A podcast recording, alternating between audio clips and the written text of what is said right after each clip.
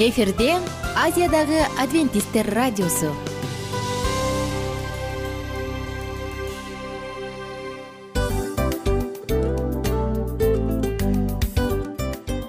Достор салют. Баардык сүйүктүү угармандарыбызга салам айтабыз. Кутман күнүңүздөр менен. Ден соолук өмүрдүн булагы демекчи саламат саамы программасында баарыңыздарды көргөнүбүзгө абдан кубанычтабыз. Анда алгач амандашып өтөлү арбаңыздар деп. Ден соолугуңуздар кандай элибизде көбүнчө ден соолук кандай дегенде эле жакшы деп жооп беребиз э ооруп турсак дагы жакшы дейбиз. Анан мен муну айтып ойлойт элем бул абдан сонун сөз депчи анткени бул жакшы деген үмүт да э ооба баары жакшы болот баары сонун. Деп үмүттөнүп атып эле өзүбүздү өзүбүз дарылап коебуз. Анысы кандай? Сиздин дагы ден соолугуңуз жакшы беш деген үмүттөбүз чындыгында ден соолук бул өмүрдүн булагы деп бекеринен айтылган эмес деп ойлойм. Кыргыз элинде анткени эгерде ден соолук жок болсо анда адамдын жашоосунда калган баардык керектүү маңыздуу нерселер өзүнүн баалуулугун жоготуп коет. Ошондуктан ден соолук бул эң керектүү нерсе. Ооба туура айтасың кесиптешим. Чынында ден соолугуң жок бир эки үч күн ооруп калсаң эле э кандай болуп калат? Жашоодо көз каранды болуп каласың көп нерсеге жетишпей каласың көп нерсени кыла албай каласың жада калса эшикке дүкөнгө да чыга албай каласың. Туптуура анан ден соолук болсо демек биз биздин бактыбыз тотой деп койсок болот. Анда достор саламат саамы рубрикабызды баштайлы. Алдыда өзүңүзгө керектүү болгон сонун кеңештерди уга аласыздар. Мына ошондуктан биз менен бирге болуңуздар. Ал эми биз болсо милан жана айнура. Кеттик алга. Алга саламат саама ден соолуктун жарчысы. Саламат саама ден соолуктун ачкычы. Күн сайын сиз үчүн мыкты кеңештер сонун жаңылыктар кызыктуу фактылар биздин рубрикада.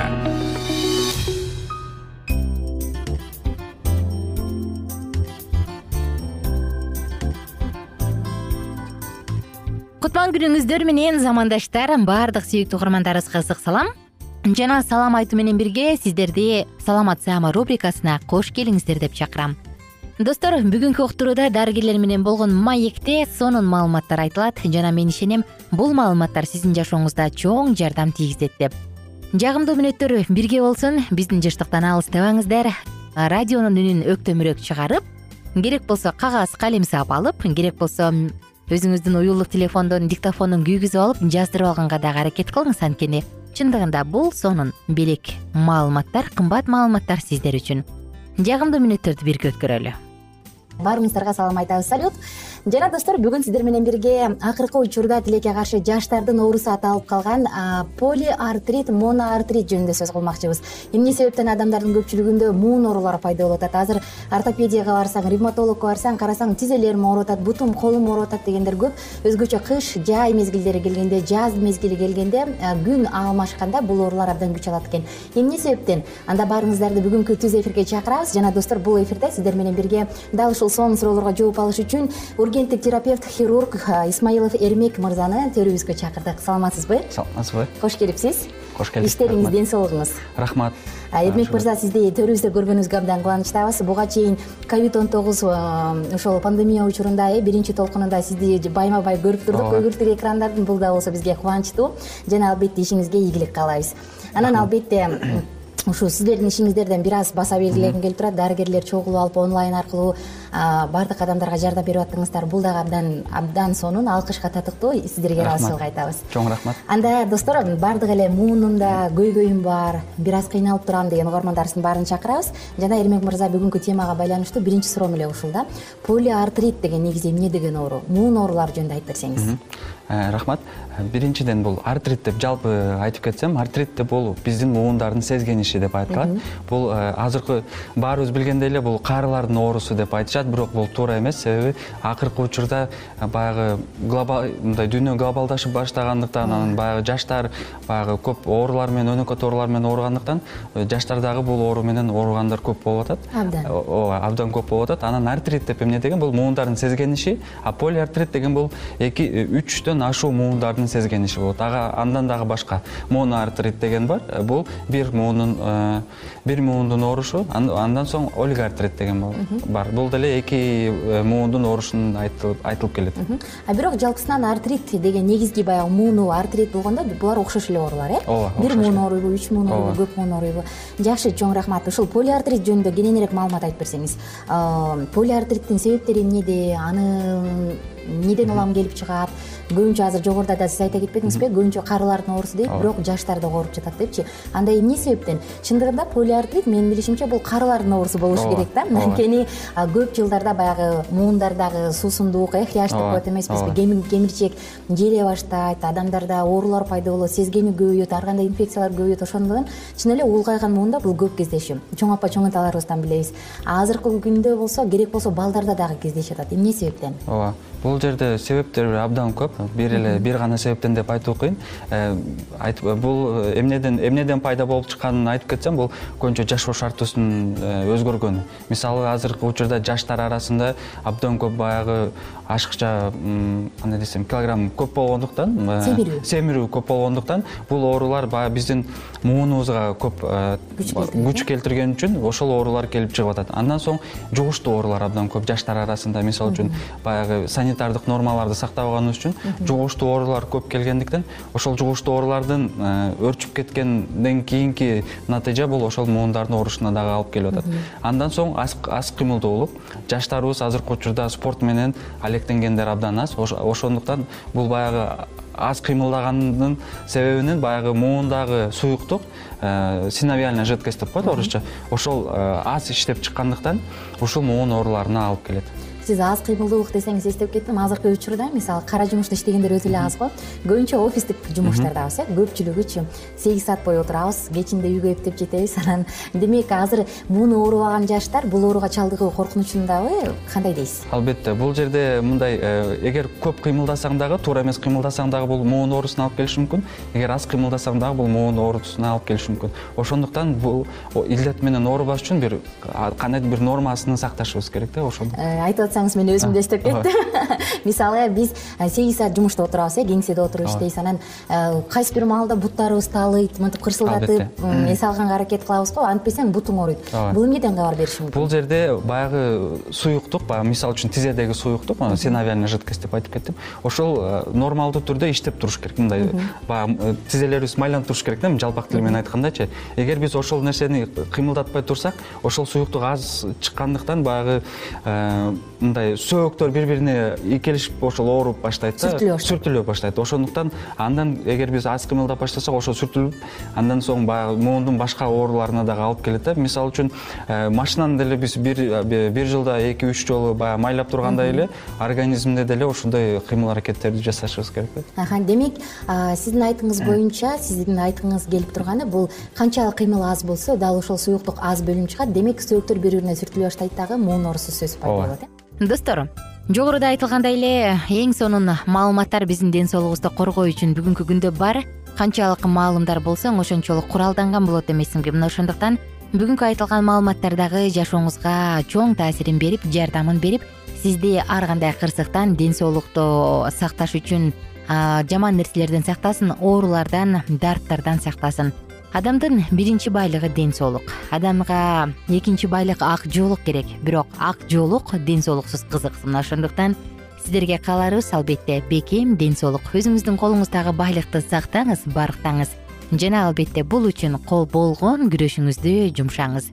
Адам баягы жашоосунда колдон келишинче акча таап алып туруп анан кийин улгайып калган кезде баардык тапканын кайра өзүнүн ден соолугуна жумшагандан көрө мейли аз тапса дагы бирок оорубай жашоонун кубанычын татып жашаганга эмне жетсин ошондуктан ар бириңиздерге кааларым бекем ден соолук. Коштошобуз достор сиздер менен кийинки уктуруулардан кайрадан амандашканча бар болуңуздар сак саламатта туруңуздар. Күнүңүздөр көңүлдүү маанайда улансын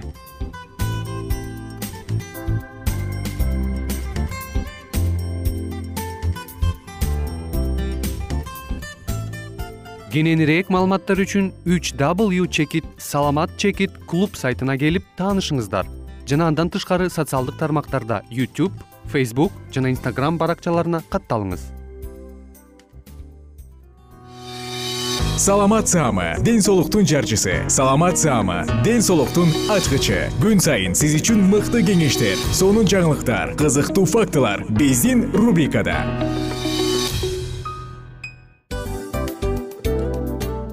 салам достор. Кайрадан биздин сүйүктүү рубрикабызга кош келиңиздер деп айтмакчыбыз. Баардык замандаштарыбызга арбаңыздар деп саламыбызды айтабыз. Улуу ушундай бир урматтаган учурашуу менен анан дил маек радио баракчабызга чакырабыз. Негизи дил маек биздин рубрикабызда эмне жөнүндө кеп кылабыз бул дил маектин мааниси эмнеде рубрикабыз менен кичине тааныштырып кетсеңиз. Сөзсүз түрдө тааныштыра кетейин кесиптешим суранычы боюнча бул учурда бул радио баракчада биз ар тарап кесип ээлеринен сонун кеңештерди алабыз сүйлөшөбүз сырдашабыз. Аталарыбыздын эжелерибиздин апаларыбыздын кеңештерин угабыз айтор. Жан дүйнөгө адамдын э, сапатына адамдын деги эле адам болуп жашашына керектүү баардык кеңештер алдыда. Негизи э, дил маек дегенде баягы эки адамдын ортосундагы сырдашуу кенен сүйлөшүү. Негизи эле биз адамдар бири бирибиз менен бир жерге жай жерге отуруп алып өзүнчө тынч э, жашоо жөнүндө өмүрүбүздө эмне болуп атканын бөлүшкөнү жакшы көрөбүз э адамдар. Ооба туура айтасың анан э, мындай учурга кээде убакыт да жетпей келет э? Же болбосо сырыңды кайгыңды муңуңду кубанычыңды айткың келет а адамга ишенбешиң мүмкүн. Ооба. А бул радио баракча угармандарыбыздын чыныгы досу анткени бизден алган кеңеш сиздин жашооңузга чоң жардам берет. Ал эми сиздин бизге айта турган сөзүңүз ортодо гана сыр бойдон калат. Ошондуктан биздин дил маек рубрикабызга дагы бир жолу кош келиңиздер. Жана биз даярдаган маалыматтарга даяр болуңуздар. Айнура жана милан сиздер менен бирге алдыга кеттик ар түрдүү ардактуу кесип ээлеринен. Алтын сөздөр жүрөк ачышкан сыр чачышкан сонун маек. Дил маек рубрикасында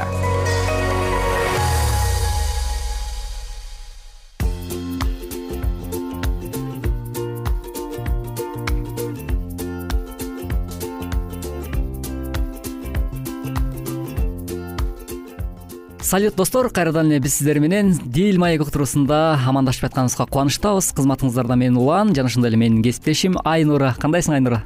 Салам кандай улан? Ден соолук жакшыбы?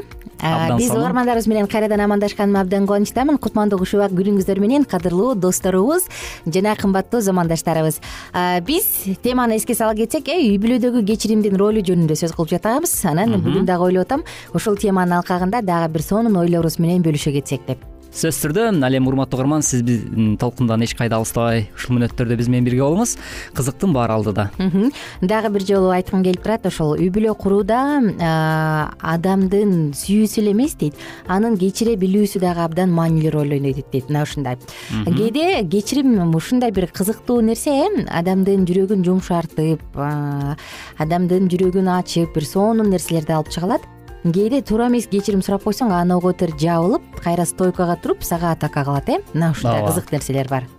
Чындап эле мындай адамдын табияты дейбизби же психологиясы дейбизби абдан татаал ошол эле учурда абдан кызыктуу дагы болот эмеспи андыктан э, чындап эле э, ар түрдүү адамдар бар э? Кээ бирөө мүмкүн кечиримди аябай жакшы кабыл алышы мүмкүн. Кээ бирөө тескерисинче кечирим сурасам эмнеге мен кечирим сурап аташың деши да мүмкүн кызыгычы аял заты психологдордун айтымы боюнча аял заты үйдөгү ачакты үйдөгү кутту кармап мындай жылуу жайлуу кылгысы келгендиктен алар эртерээк кечирим сураса же кечирип коеюнчу ошону менен баардык үйгө чечилсин деген кадамга биринчи барышат экен да.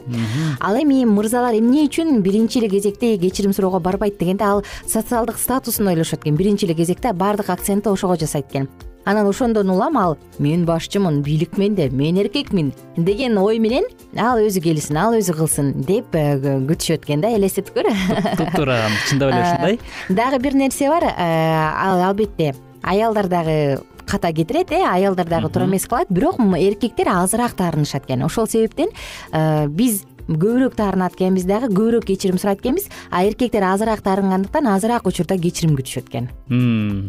Кошуласыңбы ооба чындап эле кошулам. Биздин тилибиз дагы э көп сүйлөп ийебиз көп кылып ийебиз эмоцияга көп берип ийебиз мүмкүн туура экен бул дагычы чындап эле мисалы э, эркектердин мүнөзүндө менде деле ушундай э, баягы мүнөз калыптанып калган десем болот. Э, эмне үчүн баягы жогоруда сен айтып өткөндөй эле ошол кечирим суроо жаатында негизинен биринчи шагты эркек көп кыла бербейт да. Мисалы э, мен кой кечирим сурап коеюнчу деп мындай дайыма эле айта бербейт. Анткени сен айтып атсаң эстеп кеттим. Биринчи жолу экөөбүз жолдошум экөөбүз баш кошкондон бир жылдан ашкандан кийин биринчи жолу уруштук да. Анан анда деле мындай менин оюм да менин оюмда мен баардык нерсени туура эле кылгандай сезилгем. Анан ал жерден эки жүз пайыз ал кечирим сурап түшүндүрүп бериш керек болчу да. Эмне себептен кандай мен эмнени туура эмес түшүнгөнүмчү анан экөөбүз мен ага келип ушундай ушундай ушундай деп баарын айтып таарынычтын баарын айтып сен эмнеге мындай кылдың десем ал эчтеке унчукпай ары карап жатып алды да. Анан мен таң калып демек ал күнөө эле ошон үчүн ал актанганга эчтеке таппай атат деп ойлодум да менчи анан кийин эртеси болду. Эртеси эртең менен унчугат го десем турбай дагы чай да ичпей койду да. Ошентип керекли кечке жатып алды. Аябай таң калдым. Мен жумушка барып келсем деле жатат жумушуна да барган жок. Ошентип эки күн болду элестет. Анан үйдө кайынсиңдим бар болчу анан туруп тамак ичип атабы десем жок дейт. Ошондой эле жатат депчи анан мен аябай таң калдым да бир бөлмөгө камалып жатып анан баарын эмне болсо ошо койсун деп таштап койгон болмок беле. Анан мен барып анан азыр мен кийимимди көтөрүп алып кетип калсам деле сага бара берби десем дагы деле унчукпайт да. Анан аябай таң калдым анан кийин барып кел экөөбүз сүйлөшөлү. Мүмкүн мен сени туура эмес түшүнүп калгандырмын дегенде араң араң айтты да бурук бурук деп эле. Эмне себептен ал таарынып калганынчы? Анан мен эмнеге таарынганын мен айттым. Анан кийин ал айтып атпаймынбы сен тамак ичпесең ичпей жата бер бирок эртең ашказаның ооруп баштайт анан мен сага дары алып бербейм. Мен сени ал учурда карабайм дедим да. Анткени сен өзүң көк ооруп атасың деп мен коркута баштадым да. Мындай кылган туура эмес мен ойлойм эгерде мен туура эмес кылсам ачык айтканың жакшы деп. Ошондо мен дагы катамды көрөм сен дагы катаң көрдөсүң деп анан бас тамак ич деп ушундай бир катуу айттым. Өзүм өзүм коркуп кеттим да. Анан келип отуруп тамак ичип кайра барды. Анан эки үч күндөн кийин анан акырын сөзгө келди да бирок баары жыйылып баары бай баары жайына келгенден кийин абдан сурадым мындай кылган туура эмес деп ойлоймун. Бул кичинекей балдардын кыялы деп эсептейм.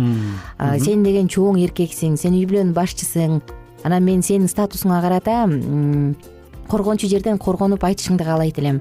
Мага бул нерсе жагымдуу болмок дегенде аябай өзүнө сабак кылганбы же кандай билбейм бирок кийинки учурларда ал айтып калды да ачыгынчы. Азыр тескерисинче ал кел анда сүйлөшөлүчү деп биринчи кезекте ал сунуштайт да. Анан мага абдан жагымдуу бул нерсе. Негизи аял биз аял заты биз алсыз болгондуктан эркектерге көбүрөөк таянгандыктан биз биринчи күтөбүз да. Негизи мен аял катары айта турган болсом кел сүйлөшөлүчү кой турчу кыйкырбачы кыйкырбай кой турсаң андай кылбай кой турсаң кел биринчи сүйлөшүп алалычы жай деп. Мындай инициативаны колго алганын күтөбүз да көбүрөөк. Ооба чындап эле э, менин жубайым да ушундай ыкманы көбүрөөк колдонот. Үй бүлөдө мисалы биздин үй бүлөдө деле э, баягы үй бүлөдөгү атмосфера мындайча айтканда баягы от тутанып кетпеш үчүн чын эле айымдар э, ушул нерсе жагынан мыкты өнүккөн десем болот да. Туура туптуура айтасың. Жакшы. Биз угармандарыбыздын да пикирин күтөбүз э? Сиздин жеке оюңуз кандай? Эмне себептен эркектер ушу үй бүлөлүк жашоодо кечирим сурагандан коркушат менин кесиптешим да өзүнүн жеке тажрыйбасынан бөлүшүп өттү. Психологдордун ойлорун окуп көрдүк эмне себептен экендиги. Анан баарына эле барып карасаң мен эркекмин да деген статуска барып такалат экенбиз э көпчүлүгү. Ооба аялдарчы аялдар кандай алар дайыма эле буркан шаркан түшүп шала баягы шара бара эле дароо эле кечирим сураганга барышабы. Же айымдардын да түрлөрү барбы. Албетте бул дагы кызык. Анан мен ойлойм эми эркектер дегенде биз жалпылап жүз пайыз эркекти албайбыз э. Жүз пайыздын мүмкүн отуз пайыз мүмкүн алтымыш пайызыдыр кээ бир эркектер бар катасын мойнуна түшүнүп мойнуна алып дароо эле түшүнүп анан биринчи кезекте ушул үйдө чыр чыгып кетпесин үйдөн ырыскы качпасын деген максат менен биринчи ынтымакты орнотконго шашкан эркектер бар э ооба андай дагы бар. Сөзсүз түрдө туптуура айтасың кесиптешим. Ал эми э, беш кол тең эмес демекчи. Биз бул жерден баардык эле эркектер э, түнт мүнөз же болбосо баардык эле мырзалар э, ушундай жаман деп э? жаман деп айткандан алыспыз. Ар бирибиз ар түрдүү жана өзгөчө инсандарбыз деген оюбузду дагы кошо белгилеп кеткибиз келет. Достор анда биз кийинки уктуруубузда кечиримдин ролу жөнүндө темабызды улантабыз. Ага чейин жалпыңыздар менен коштошобуз. Күнүңүздөр көңүлдүү маанайда улансын. Саламатта болуңуздар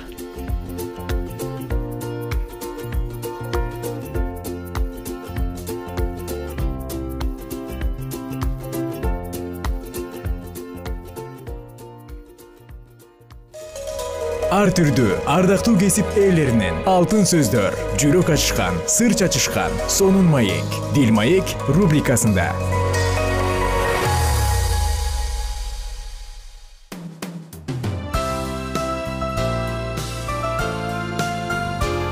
Эфирде азиядагы адвентисттер радиосу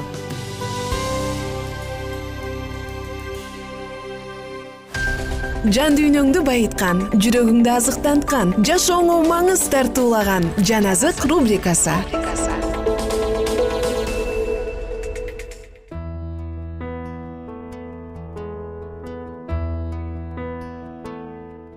Кутмандуу күнүңүздөр менен биздин кымбаттуу досторубуз жалпыңыздар менен кайрадан жагымдуу саатыбызды баштадык. Бул албетте жан азык радио баракчасы достор сиздер менен бирге бул саатта жан дүйнөбүздү азыктандырып ал гана бойдон тем калбастан албетте келечектеги үмүт келечектеги жаркын учур жана албетте келечекте боло турган окуялар менен бөлүшүүгө даярбыз. Баардык угармандарыбызды бүгүнкү уктурубузга чакырабыз анткени бүгүн сиздер менен бирге акыркы учурда акыр заманда кандай окуялар болот? Эмне болушу мүмкүн? Эмне болушу күтүлөт? Мына ушул жөнүндө сөз кылуучу аян китебин улантабыз. Аян китебин бир аз айта турган болсок инжил китебинде орун алган эң соңку китеп бул дүйнөнүн акырын жыйынтыктоочу китеп деп дагы жаңылышпа айтсак жаңылышпайбыз. Эмесе аян китебин биз менен бирге угуңуз. Бүгүнкү темабыз аян китебин изилдөө үчүн жети себеп деп аталат. Кымбаттуу достор баардыгыңыздарга салам үмүттүн аяны деп аталган жолугушуулардын сериясына кош келиңиздер. Биринчи жолугушуунун темасы. Аян китебин эмне үчүн билиш керекпиз? Анын жети себеби. Белгилүү бир насаатчы аян китебин издегиле. Аны мурун окуп жүргөндөн да өзгөчө изилдеп окуңуз. Андан кийин жыйынга барып ал жөнүндө айтып бериңиз. Бул китепти изилдөө башка китептерди изилдөөдөн алда канча артык деп айткан. Достор аян ишенген адамдардын да дүйнөлүк адамдардын арасында да популярдуулукка ээ болду. Адамдардын баардыгы бул китепте эмне жөнүндө айтылганын билгиси келет. Ишенүүчүлөрдүн арасында китептин өзгөчө мааниси бар экендигине. Ал эми анын кабары адамдардын ыйсанын экинчи келишине даярдануусу үчүн абдан маанилүү экендигине бекем ишеним өсүп жатат. Сиздер менен аян китебин эмне үчүн окуш керектигин айта турган жети себеп менен бөлүшүүгө уруксат этиңиздер. Биринчиси аян ыйса машаяктан чыккан бул китеп ыйса машаяктын аяны деген сөздөр менен башталат. Жана бул сөздөр менен жакан өзүнүн катын да аяктаган. Бул аян кудай өзүнүн кулдарына көрсөтүш үчүн берген аян. Ыйса мындай жар салган. Мен тирүүмүн. Өлгөн элем азыр болсо түбөлүккө тирүүмүн. Аян бир он сегиз ыйса машаяк тирилгенден кийин тирүү калган акыркы элчиге көрүнгөн. Жаканга берилген аян ыйсанын кам көрүүсүнө акыркы убакка чейин жыйынтык караарына ишенимибизди бекемдейт ошондуктан бул аян ыйса машаяктан келген. Аян китебин изилдөөнүн экинчи жолу же экинчи себеби бул ыйсанын аяны. Ыйса аяндын булагы жана алар ал жөнүндө айтышат. Ал бул китептин улуу баатыры анын борбордогу персонажы. Ал чырактардын жыйындардын арасында жүрөт жана оң колунда жылдыздарды ишенимдүү кызматчыларды кармаган. Аян китеби бир он эки он үч жыйырманчы аяттар. Бир гана ал китепти алып андагы мөөрдү ачууга татыктуу. Аян китеби бешинчи бап тогузунчу аят. Акырында ал баардык элдерди темир таяк менен кайтара турган. Аян он эки беш. Аян китеби ыйса машаяк жөнүндө маалыматка толгон. Биринчи бапта аны көрсөтө турган титул же аллюзиялары жөнүндө кырк тогуз жолу айтылган экинчи бапта отуз тогуз жолу. Үчүнчү бапта кырк тогуз жолу. Ал жаратуучу ал түбөлүктүү асмандын кудайы жүү туруусунан чыккан арстан дөөттүн тамыры. Козу курмандык козу жана жеңүүчү козу жарык жана таңкы жылдыз дөөттүн ачкычына ээ болгон ыйык бул китепте баардыгы болуп ыйса машаякты сүрөттөөчү он эки ысым берилген. Китепти изилдеген сайын анын мүнөзүн жана миссиясын улам улам жакшыраак биле баштайбыз. Ошондуктан бул машаяктын аяны. Эми достор аян китебин изилдөөнүн үчүнчү себебин карап көрөлү бул китеп жогору жактан окуш жана изилдеш үчүн сунушталган. Библиянын башка китептеринин биринде да китепти окуучулар үчүн өзгөчө баталардын убадасы жок. Аян китеби мындай сөздөр менен башталат. Ушул пайгамбарчылыктарды окугандар жана уккандар ошондой эле аянда жазылгандарды аткаргандар бактылуу. Анткени убакыт жакындап калды аян бир үч. Ал мындай убада менен бүтөт. Бул китептеги пайгамбарчылыктарды карманган адам бактылуу. Жыйырма эки жети. Андан соң китепте жазылгандан бир нерсе албаш керектигин жана бир нерсе кошпош керектигин эскертүү кетет. Жыйырма экинчи бап он сегизинчи он тогузунчу аяттар бул сөздөр китеп түшүнүктүү болуш керектигинен кабар берет. Жакан бул кабарды апокалипсис деп атаган бул аян ачылуу же ачынуу дегенди билдирет аталыштын өзү эле түшүнүктүү экендиги айтып турат. Бул китеп ыйса жөнүндө ыйсадан аян. Ошондуктан ал изилдөө үчүн катуу сунушталган. Достор уктуруубузду кийинки уктурууда улантабыз ага чейин сак саламатта туруңуздар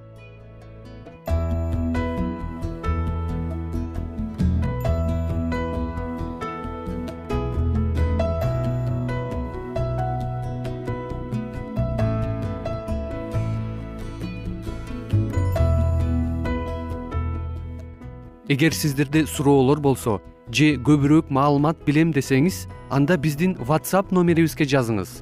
Плюс бир үч жүз бир жети жүз алтымыш алтымыш жетимиш. Кайрадан плюс бир үч жүз бир жети жүз алтымыш алтымыш жетимиш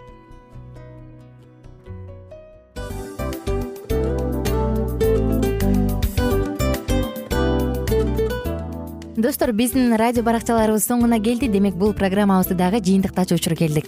Учурга келдик. Анан кесиптешимден сурагым келип турат. Негизи эле иштин башталып атканы кубандырабы сени же жыйынтыгы кубандырабы албетте жыйынтыгы. Себеп дегенде сен кылган ишиңдин жыйынтыгын көрүп э, баягы мөмөсүн көрүп дегендей жыргайсың жүрөгүң жемишинен тартып э?